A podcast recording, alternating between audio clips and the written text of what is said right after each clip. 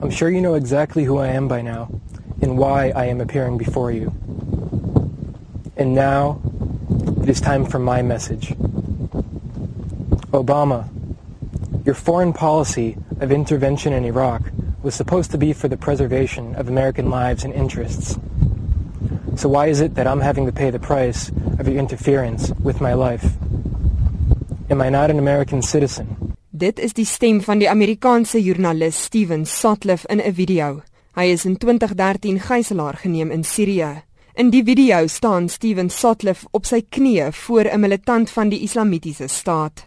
I'm back Obama and I'm back because of your arrogant foreign policy towards the Islamic State because of your insistence in continuing your bombings in Al-Murli, Zumar and the Mosul Dam despite our serious warnings. You, Obama, have yet again through your actions killed yet another American citizen. So just as your missiles continue to strike our people, our knife will continue to strike the necks of your people.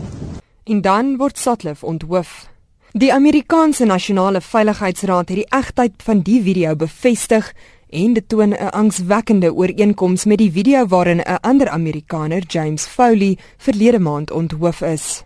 In die video was Sotliff ook sigbaar en is daar gewaarsku dat hy die volgende slagoffer gaan wees. In die jongste video waarsku die militant dat 'n Britse gijslaer ook onthoof sal word as Amerika nie sy militêre lugaanvalle in Irak staak nie.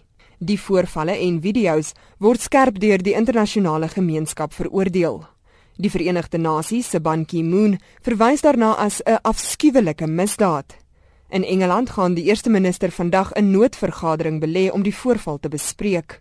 Maar nou is daar talle vrae oor hoekom Amerika nie meer doen om sy burgers wat deur die Islamitiese staat gijslaar gehou word te red nie. Professor Dirk Kotse, 'n politieke ontleder verbonde aan Unisa, sê dit is 'n tamaletjie vir die Amerikaanse owerheid. Daar het nou 'n direkte verband begin ontstaan tussen die aksies van die Islamic State en die Amerikaanse militêre optrede. So hoe meer die militêre optrede gaan in intensiteit verhoog, hoe meer rede gaan daar wees vir die Islamic State om voort te gaan met hierdie tipe van optrede. Maar hoe dan nou gemaak?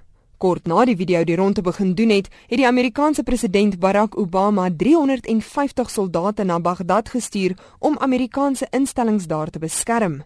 Maar dit is nie voetsoldate wat direk met IS gaan veg nie dink hulle opsies is op hierdie stadium gegee die tendens waarna dit nou ontwikkel is eerder om te probeer om die plaaslike regerings dit beteken regering van Irak um, te probeer versterk in hulle optrede teen ISIS in die, in die algemeen sodat hulle meer gesien word as op die agtergrond in steede van dat hulle in die voorste linie uh, teen ISIS is. IS is volgens Kotse nie enig in sy soort nie en so ook nie sy optrede nie Dit is iets wat relatief eintlik tipies is met die Midde-Oosterse rebellebeweging of teen regeringsbewegings wat daar is. Kotse sê egter IS is nie 'n suiwer terreurorganisasie nie.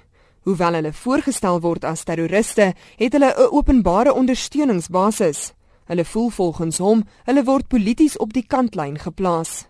Vegters van 'n militante groep in Afghanistan wat bande het met die Taliban, het nou glo bekend gemaak hulle oorweeg dit om met IS te begin saamwerk.